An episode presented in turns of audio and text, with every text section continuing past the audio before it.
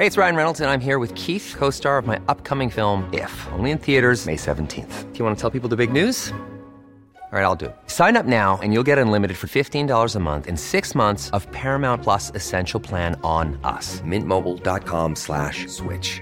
Upfront payment of $45 equivalent to $15 per month. Unlimited over 40 gigabytes per month. Face lower speeds. Videos at 480p. Active Mint customers by 531.24 get six months of Paramount Plus Essential Plan. Auto renews after six months. Offer ends May 31st, 2024. Separate Paramount Plus registration required. Terms and conditions apply if rated PG. I'm Sandra, and I'm just the professional your small business was looking for. But you didn't hire me because you didn't use LinkedIn jobs. LinkedIn has professionals you can't find anywhere else, including those who aren't actively looking for a new job but might be open to the perfect role, like me.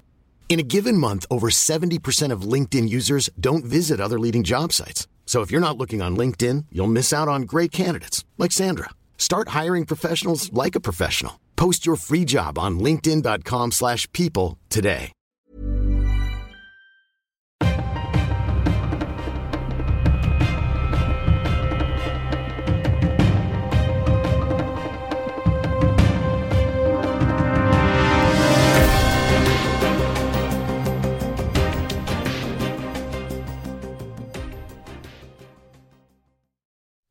Så, då säger vi än en gång hej och mycket varmt välkomna till ett nytt avsnitt av dagens Juridikpodden. William Eriksson här precis som vanligt tillsammans med dig, Stefan Wahlberg och idag tillsammans med ingen annan än bara vi två. Det är helt gästfritt idag, hur känns det? Skönt? Ja, det jag tycker jag är trevligt när vi har lite gäster här som kan förgylla våra äh, lyssnares tillvaro. Och så. Sen är det ibland trevligt att det bara är du och jag, så att kör på. Ja, skönt ju. Det, vi eh, testar liksom, eh, det pågår en omfattande ombyggnation här på den här inspelningsplatsen där vi, där vi brukar spela in de här poddarna. Så nu är vi, testar vi typ femte eh, citatstudion, slutcitat, på, på några veckor här bara. Det här rummet var väldigt luftigt och härligt med en sån här tandläkar, eh, lite tandläkarkänsla med någon juckapalm nere i hörnet och sådär.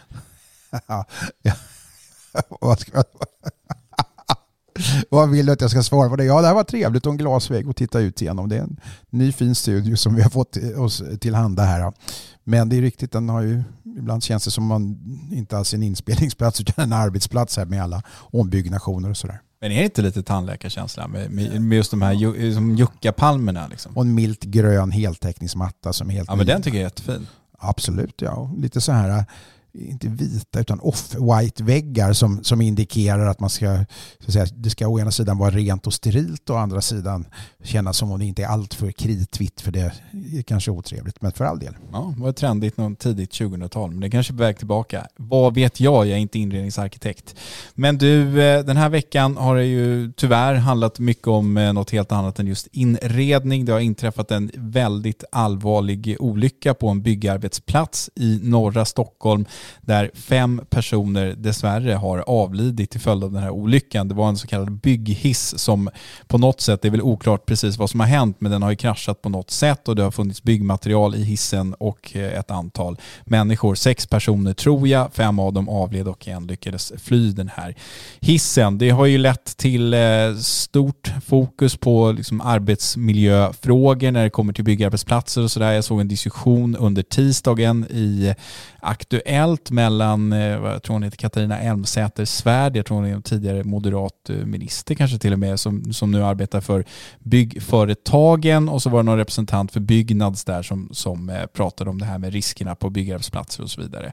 Ehm, då lyfter man frågan varför är det så pass vanligt, tror man, att eh, arbetsplatsolyckor inträffar just på byggarbetsplatser? Det tyckte jag var lite konstigt att man nästan ställde den frågan, för det, det är ju, tycker jag, alltså i många fall farliga arbetsplatser. Det är väl inte så konstigt, eller?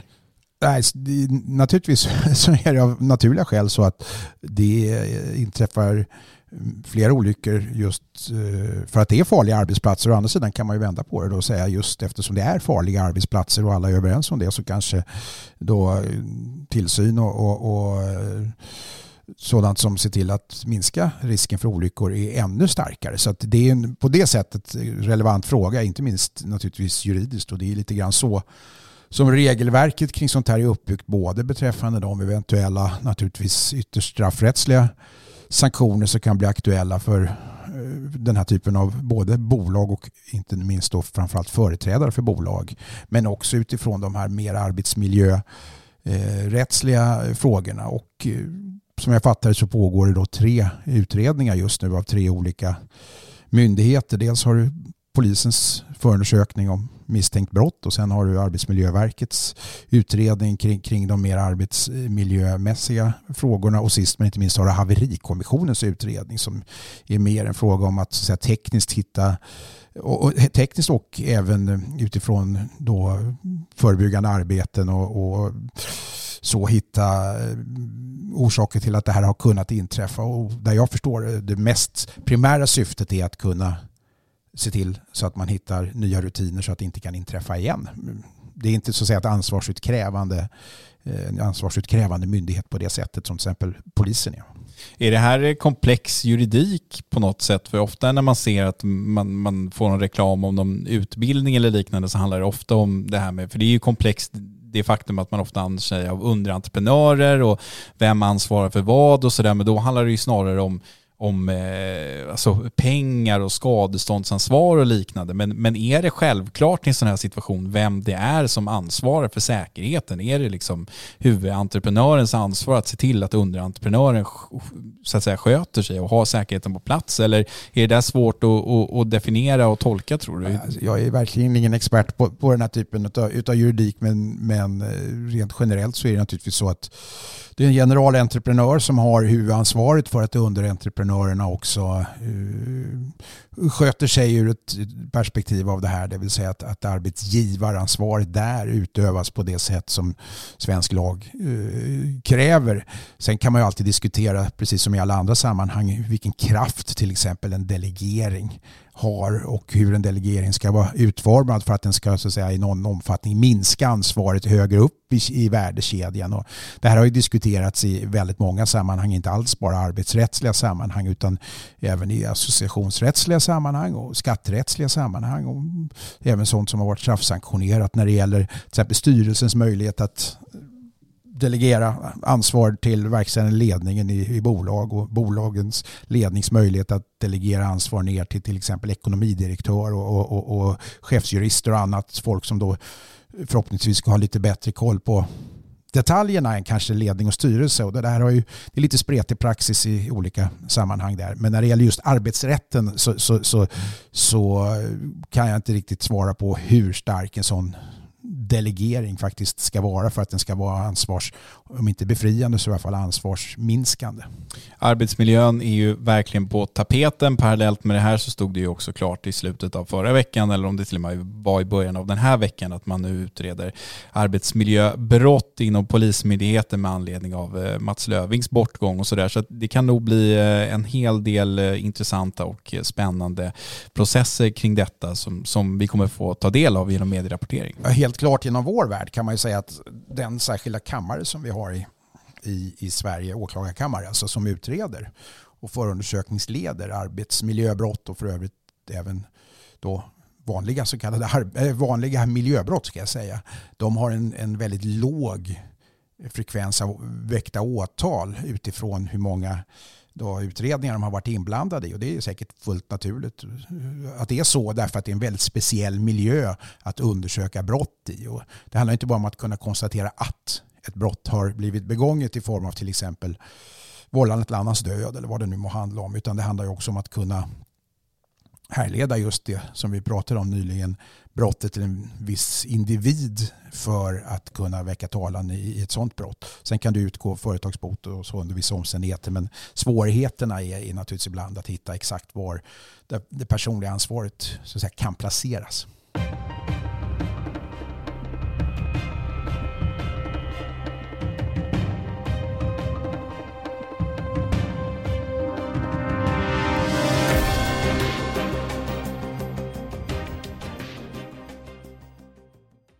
Om vi eh, släpper eh, arbetsmiljöfrågorna då och eh, går över på en liten, vad ska man säga, litet, vi kan inte kalla det för avslöjande, men en liten bomb, det slog ner som en liten bomb i, för många andra mediehus i alla fall, när Dagens Juridik i veckan kunde rapportera att en man i 60-årsåldern får rätt att öppna en 28 år gammal grav i syfte att ta reda på om den här begravne mannen är hans biologiske far.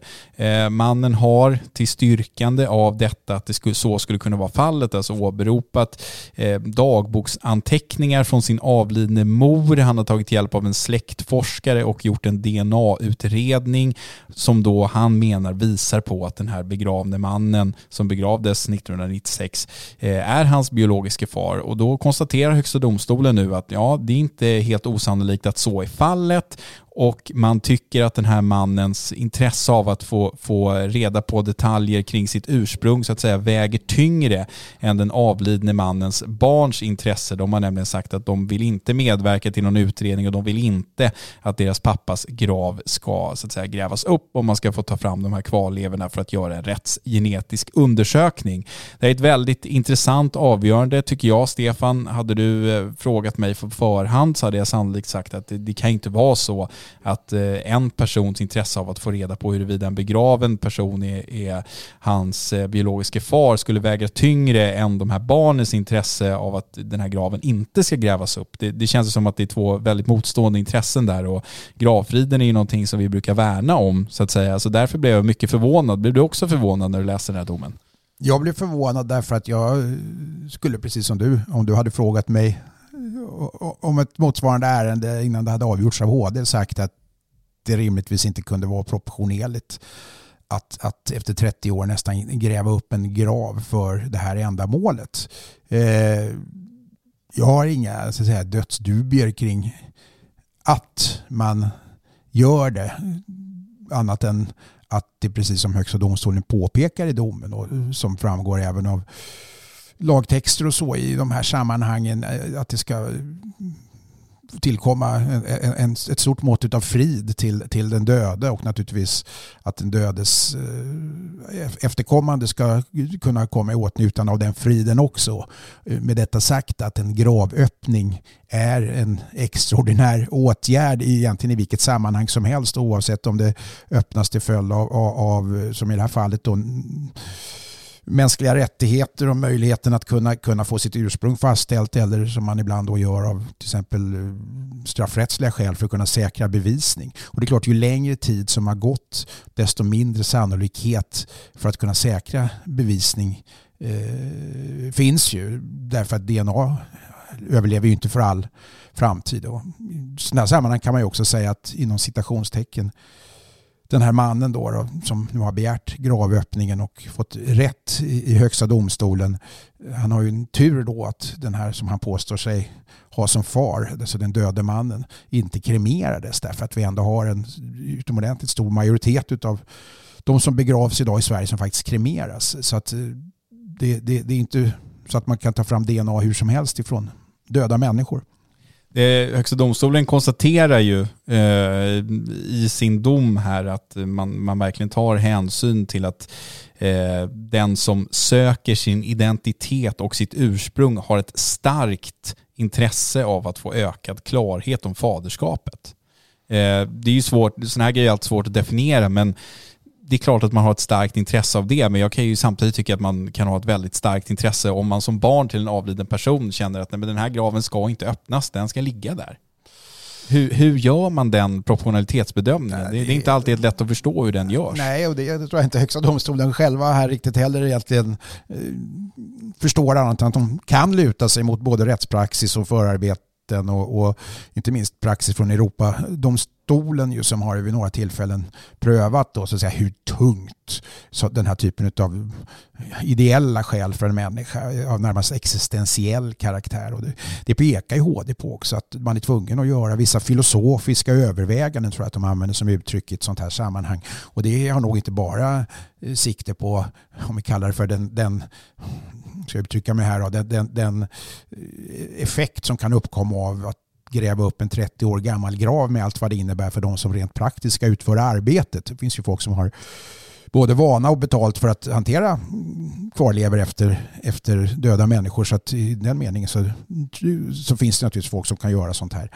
Men det får ju också då effekter för, för, för till exempel efterlevande. Sen framgår inte helt av Högsta domstolens dom eh, det som man i bara någon kort mening på slutet eh, framhåller nämligen att de, de barn som den här nu döde mannen har, som har motsatt sig gravöppning, eh, har eh, sina misstankar om eller att det kan finnas övriga syften bakom den här mannens begäran och inte enbart så att säga, ideella syften. Och jag kan inte riktigt veta vad, vad det skulle kunna vara därför att mig veteligen så finns det en tioårig preskriptionstid på möjligheten att göra anspråk på till exempel arv. Eh, har man inte gett sig till känna som tidigare okänd arvinge så man kan liksom inte upprätta en tilläggsbouppteckning hur långt efter, eh, efteråt som helst utan den, jag tror den yttersta gränsen är tio år där.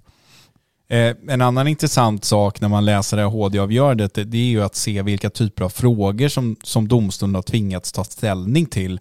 Eh, en och kanske den viktigaste frågan är ju den om det funnits anledning att anta att det då förekommit ett samlag med stöd av de här dagboksanteckningarna då. Det är ju inte heller en helt vanlig fråga för Högsta domstolen att, så att säga, ta ställning till huruvida två personer eventuellt har haft samlag med varandra för 60 år sedan. Nej, men det är ju, det är ju som så mycket annat inom juridikens värld. Det är ju en bevisfråga och i det här fallet så ska ju då beviskravet vara uppfyllt att du har kommit så att du åtminstone har gjort sannolikt att det har förevarit ett, ett, ett, ett sexuell samvaro under den så kallade per, per, per perceptionstiden. Så fint. Konceptionstiden. Nej, förlåt mig. Konceptionstiden. Det vill säga när graviditeten kan ha uppkommit. Och det här har HD vid några tidigare tillfällen för 20-30 år sedan prövat vid, vid några, eh, i, i, några mål som ligger väldigt långt tillbaka i tiden, nämligen när DNA-tekniken eh, fick sin fulla blomning och det gjordes anspråk på faderskap som låg väldigt långt tillbaka i tiden där man då medels anteckningar i form av dagböcker och liknande faktiskt kunde konstatera att, att eh, en viss man kunde ha haft samlag med en viss kvinna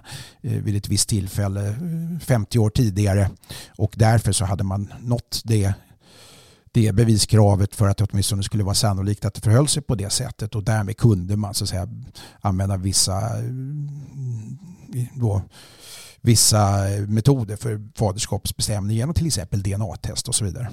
Jag tycker det här bara är ett väldigt bra exempel på att eh, även Högsta domstolen tvingas ofta till eh, överväganden och bedömningar som ligger väldigt långt utanför det som många tror är så att säga juridikens ramar.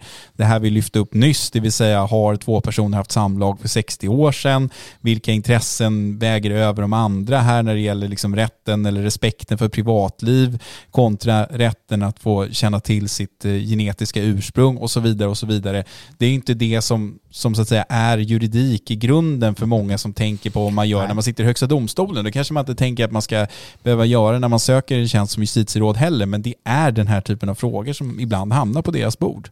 Fast det här är ju precis det, exakt det du säger är ju det vi många gånger pratar om i den här podden och det som är lite av min käpphäst, det här med att juridiken är ingen stat i staten utan det är inte bara är utan också ska vara en naturlig del utav, utav livet och för den delen i det här fallet döden och, och någonting som så att säga, berör oss alla i alla situationer. Man kan nästan alltid klä eh, hur tråkigt det än låter, en, en, en, situation i juridiska termer, vilket jag då ibland tröttar ut min omgivning med och vilket jag även från närstående ibland eh, blir upplyst om att jag gör. Men så är det ju och det är framförallt eh, domstolarna som får göra de här bedömningarna ytterst och inte minst då Högsta domstolen. Och en del saker finns det ju svar på i form av just, kanske till och med tydliga svar på i form av, av paragrafer och förarbetsuttalanden och så som, som man faktiskt kan, eller prejudikat för den delen, som kan, kan hämtas från både i det här fallet Europadomstolen och, och, och Högsta domstolen självt. Men ibland så är det ju så att man måste bryta ny mark och göra det som i slutändan och till syvende och sist är juridiska bedömningar av sånt som är djupt existentiellt. Och det har ju gällt frågor kring liv och död och det har gällt, det har ju gällt viss lagstiftning till exempel kring abort då där det inte uttryckligen sägs en viss vecka där den sista gränsen går utan det talas istället om, om, om, om fostret skulle kunna vara livsdugligt utanför moderlivet. Och så Surrogatmödraskap är väl ja, också en ja, sån delvis ja. filosofisk fråga som ibland landar på HDs bord. Så att säga. E, exakt, va? Och, och då blir det ju närmast existentiellt. Och det är klart att när vi även i lagstiftning klär sådana här frågor i juridisk terminologi i form av att, att en viss form av frid må tillkomma den avlidne. I och med det så kan man ju då ta ställning till, sägas ha tagit ställning till frågor som är närmast religiösa det vill säga om man ska ha en viss frid som avliden, tar den sikte just på den avlidnes rätt till frid eller tar den sikte på de anhörigas rätt till frid för sin, för sin anhöriga avlidne. Eh, och den frågan blir ju då djupt existentiellt till slut. Ska det gälla olika regler för en avliden som har anhöriga kontra en som inte har anhöriga till exempel? Så är ju inte fallet nu men i och med det så, att säga, så erkänner ju lagstiftaren att det finns högre etiska värden och, och det är sånt naturligtvis som Högsta domstolen som den yttersta tillämparen och uttolkaren av lagstiftningen ska både klara av och också måste ibland ta ställning till. Så är det och Högsta domstolen har inte bara ägnat sig åt eh, filosofiska frågor den här veckan. Man har också kommit med ett annat avgörande som kanske är lite mer konkret. Det handlar om frågan om återbetalning av försvararkostnader avseende en man som initialt anhölls som misstänkt för kvinnofridskränkning, fick en offentlig försvarare förordnad till sig men eh, åtalades för misshandel av normalgraden och ett fall av ringa misshandel misshandel, Slutligen dömdes i dagsböter för två fall av ringa misshandel. Tingsrätten beslutade då att eh, den offentliga försvararen skulle få knappt 34 000 kronor för sitt arbete och den här mannen som hade dömts skulle alltså betala 20 000 av de här 34 kronorna till staten.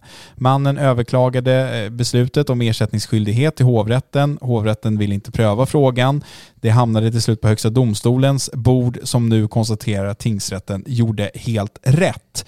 Eh, den här mannen som nu tvingas betala tillbaka, han har argumenterat för att han inte skulle fått någon offentlig försvarare om han åtalats för de brott som han sen dömdes för, det vill säga ringa misshandel.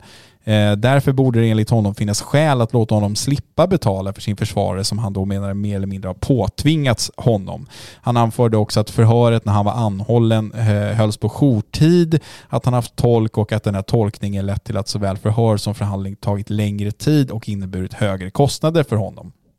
Är inte det här en ganska intressant fråga, Stefan? För man kan ju dels se det som att han misstänktes för de här brotten. Hade han, haft en, hade han inte haft en försvarare kanske han hade dömts för grövre brottslighet än vad han döms för nu. Samtidigt kan man säga, hade han bara misstänkt för de brotten som han slutligen dömdes för så hade han inte fått någon försvarare förordnad för sig, sannolikt kanske inte anlitat en privat försvarare och betalat x antal tusen kronor i timmen och därmed sluppit de här kostnaderna. Jag, ja, jag, det är en intressant fråga. Jag är kluven därför att å ena sidan så begränsar ju Högsta domstolen ersättningsskyldigheten då till de brottsmisstankar som de facto har lett till en fällande dom. Men jag förstår ju den här mannens invändningar också. Han säger sig, jag kanske aldrig varken fått eller behövt ha eller skaffat mig en försvarare om det endast hade varit ringa misshandel jag var misstänkt för från början. Alltså det är logiskt att tänka så. Eh, väldigt många människor har jag förstått eh, har inte ens kunskap kring att man faktiskt kan tvingas återbetala en del av sina försvararkostnader eller hela försvararkostnaden om man, om man har möjlighet att, att så att säga göra det eh, utifrån sin ekonomiska situation och, och eh, naturligtvis inte om du frias. Och då menar ju den här mannen att i princip har han friats för det som han från början misstänktes för. Och eh, att det sen råkade bli en dom för någonting annat än det han misstänktes för kan, borde inte inverka på det enligt honom. Men HD har då en annan uppfattning. Frågan är ju i allra högsta grad aktuell för att regeringen har ju drivit på för att eh, fler dömda personer än vad som är fallet idag ska tvingas återbetala sina kostnader för offentliga försvar eller biträden eller rättegångskostnader överlag. Man tror ja att det här till och med har röstats igenom i riksdagen, alltså det faktum att möjligheten att sätta ner återbetalningsbeloppet ska begränsas genom ett krav på särskilda skäl. Det blir som omvänt eh, mot idag. Det kommer ju innebära att väldigt många fler personer än, än idag kommer att bli ersättningsskyldiga i det fall de döms för brott. Sen är ju frågan hur många av de personerna kommer ha råd eller kommer överhuvudtaget att betala de här pengarna som man blir skyldiga staten. Jag, jag tycker väl också att det här är, om, om, vi, om vi lägger principen åt sidan för en sekund om, om sådana här sak, enkla saker som misstänkta personers rätt till, till, till, kvalificerat försvar och så vidare och bara titta på den rent formella frågan eller den, den informationsmässiga frågan så kan man ju tycka då att människor tydligt och klart på ett enkelt sätt borde informeras om de här sakerna i förväg när det handlar om framförallt brottsmisstankar som då kanske inte är, jätteallvarliga. Alltså, Ja men typ få möjligheten att tacka nej ja, till Ja, helt enkelt så. Och det är ju faktiskt så att om du får en offentlig försvarare förordnad för dig utav tingsrätten och du har återbetalningsmöjlighet om du fälls för brottet då som grundregel så, så, så, så, så, så, så får försvararen betalt av staten eh, och, och eh, du kommer sen att krävas på det där beloppet eh, vare sig du vill eller inte. Och egentligen, man ska vara riktigt krass, vare sig du har sagt ja eller nej till en, till en offentlig försvarare från början. Och I vissa fall finns det ju gränser för mm, att man så att säga, måste ha en försvarare. Om man inte har kapaciteten att själv tillvarata sina rättigheter och det handlar om ett eh, ringa brott så, så, så, brukar ju domstolarna trots allt säga att du ska ha en försvarare.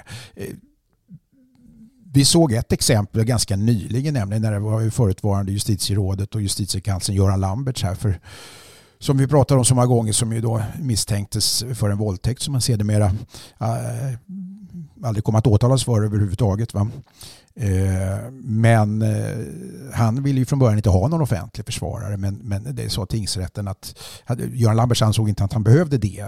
Dels för att han ansåg... Det kanske var rimligt om ja, man har varit justitieråd. Ja, jo, men samtidigt den som har sig själv som försvarare har en idiot i klient heter det i de här sammanhangen. Så Uppsala tingsrätt beslutade ju att han trots allt skulle ha en försvarare. Och det kan ju vara vettigt. Jag menar, det finns toppadvokater som har varit åtalade för brott i Sverige som ändå har valt att ha en försvarare för att de måste ha någon att bolla med och som kan se på saken utifrån och så vidare. Så det, är inte så, det här är ju liksom djupa frågor som rör, rör processuella rättigheter snarare än, än ekonomiska utfall i slutändan. Ja, och frågan är väl lite, nu har jag inte läst hela liksom, förarbetena till den här ändringen i rättegångsbalken, men jag misstänker att man så att säga hänvisar till de tidigare konstaterade skenande kostnaderna liksom för brottmålen överlag där det har pratats om att advokater, brottmålare, alltså försvarare saltar fakturer och målsägandebiträdena också vill ha mycket betalt och de här kostnadsökningarna sväller hela tiden. Vi vet ju, det har vi pratat med justitiekanslern om, att hon har blivit tillsammans med sina anställda mycket mer petig när det gäller att liksom överklaga ersättningsbeslut från tingsrätter till hovrätter och så vidare i syfte att man ska liksom få kontroll över de här kostnaderna. Samtidigt är ju frågan när så att säga, börjar det här gå ut över rättssäkerheten lite det du var inne på där. Om, om människor i större utsträckning börjar säga att Nej, men jag känner inte, liksom, oavsett hur det går här så känner jag att det är inte värt för mig att bli återbetalningsskyldig 90 000 kronor för att jag ska undvika en månads fängelse. Då, då börjar det ju påverka i den änden så att ja. säga. Och i grund och botten så är det ju rättssäkerhetsskäl som, som alltså, alltså processuella rättigheter får ju uppnå som det här som equality in arms, att åklagarsidan inte ska ha, ha ett försteg just för att eh, hen är jurist till exempel och, och, ska kunna det här med hela statsapparatens och, och, och polismyndighetens kraft bakom sig för utredning och så vidare. Men det, det, blir ju av naturliga skäl, och jag kan inte hitta någon bättre lösning på det, men det blir ju då lite olyckligt att rent pedagogiskt förklara varför då den ena sidan, mm, åklagarsidan, så att säga, mm, utifrån sin objektivitetsplikt och med de verktyg som finns där mm, ska, ska, ska driva processen. Medan staten då tar på sig ett ansvar att förordna en offentlig försvarare genom sin lagstiftning och genom sina domstolar för att uppnå just equality in arms. Eh, men att detta inte sker genom en av staten anställd tjänsteman med motsvarande kvalifikationer som åklagaren för att ge den här equality norms därför att det skulle strida emot möjligheten och rättigheten framförallt till att själv få välja sin försvarare och därför utgörs försvararen av privata aktörer i form av advokater och ersättningsmodellen för dem är att debitera per nedlagd timme utifrån vad som är skäligt vilket det ju då inte är för åklagaren till exempel. Och börjar man granska det här och titta på det sånt här som, som, som vi gör med jämna mellanrum så blir det ju lätt så att man sätter fingret på advokaternas arvoden just för att de går att, så att säga, kvantifiera utifrån både skälighetsrekvisitet eh, men också då antal nedlagda timmar utifrån svårighetsgrad och, och, och, omfattning på målet. Och det gör man ju aldrig med åklagare om, om, om man uttrycker sig så. Och det här det är olyckligt därför att du kan inte vända på det och, och säga så här, men hur många timmar har den här åklagaren egentligen lagt ner med sina utredande poliser i den här förundersökningen och eh, förbereda då för det här, den här huvudförhandlingen och så vidare. Och än en gång, jag har inget bra svar på hur man ska lösa det utan det här är ju den modell vi har och den bygger ytterst på att staten kan inte tillhandahålla försvarartjänster på ett trovärdigt sätt därför att det vet vi har gått åt pipsvängen, inte bara i, i, i länder där vi inte har ett fungerande rättsväsende utifrån vad vi bedömer ska finnas på plats där utan också till och med, vi hade ju faktiskt allmänna advokatbyråer i Sverige för inte allt för länge sedan och, och de lades ner av just, ja, bland annat det här skälet ska jag säga. Det finns ju dock eh, liksom ett rimligt förslag som jag som sagt inte är helt hundra på att det gick igenom, men, men eh, där man har föreslagit att om ett överklagande från en dömd person till högre rätt förfaller på grund av att den här personen inte dyker upp till exempel och inte har laga förfall för det så ska man bli skyldig att stå för liksom hela rättegångskostnaden för den processen. Sådana grejer tycker jag däremot är jätterimligt. Jag menar, att bara utebli från en huvudförhandling när åklagare och advokater och, och nämndemän och annat har bokats in till att närvara vid just det tillfället och så dyker man inte upp oaktat om man gör det medvetet eller att man bara missar missat tiden så tycker jag att det är fullt rimligt att man ska stå för det. Men det här andra som vi har pratat om det, det är liksom en, en större fråga än så tycker jag.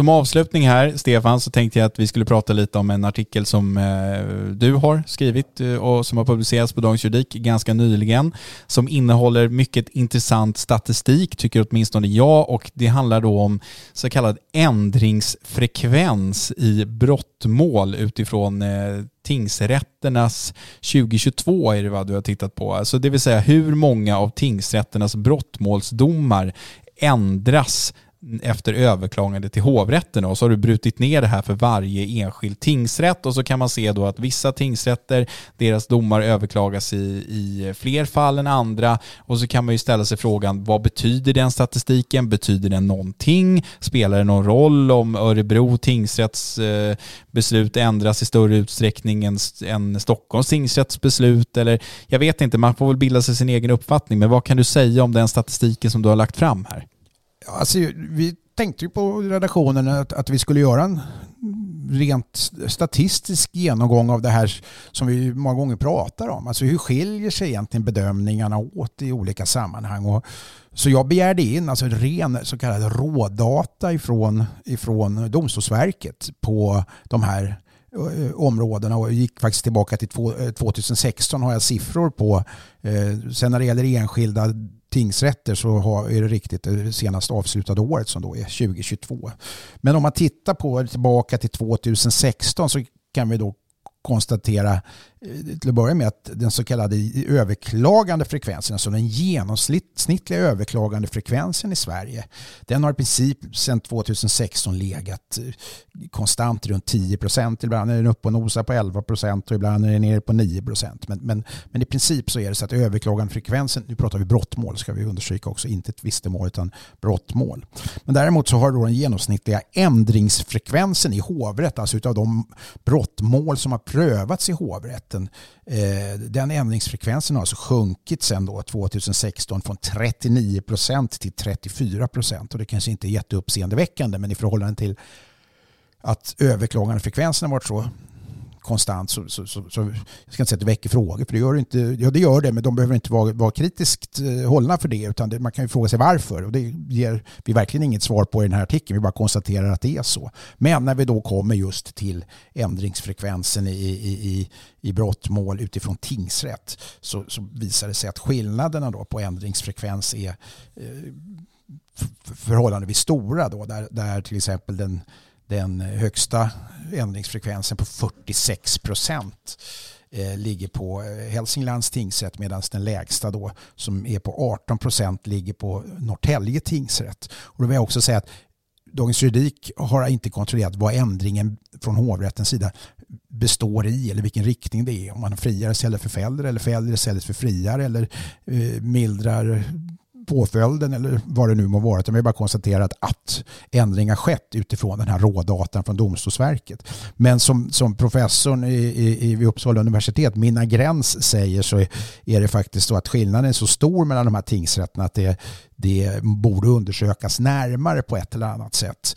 Uh, därför att det kan ju ha fler förklaringar. En förklaring skulle kunna vara att det faktiskt är så att, att eh, hovrätterna har en högre eller lägre benägenhet att faktiskt eh, ändra tingsrättens domar i, i förhållande till, till varandra. Och den, den parametern har vi inte alls med i den här undersökningen utan vi så säga utgår ifrån och det är ju säkert naturligtvis, om inte naivt så i alla fall eh, en, en, parameter som bör vägas in att hovrätten så att säga gör korrekta bedömningar eller i vart fall de gör mer korrekta bedömningar i, i, en, i, i någon mening utifrån den vanliga instansordningen än vad tingsrätterna gör. Vilket naturligtvis inte alltid är sant utan det kan ju vara en smaksak och smakfråga juridiskt då, huruvida de är mer eller mindre korrekta eller inte. Men, men det är ändå den instansordning vi har så att vi får titta på, på det utifrån det.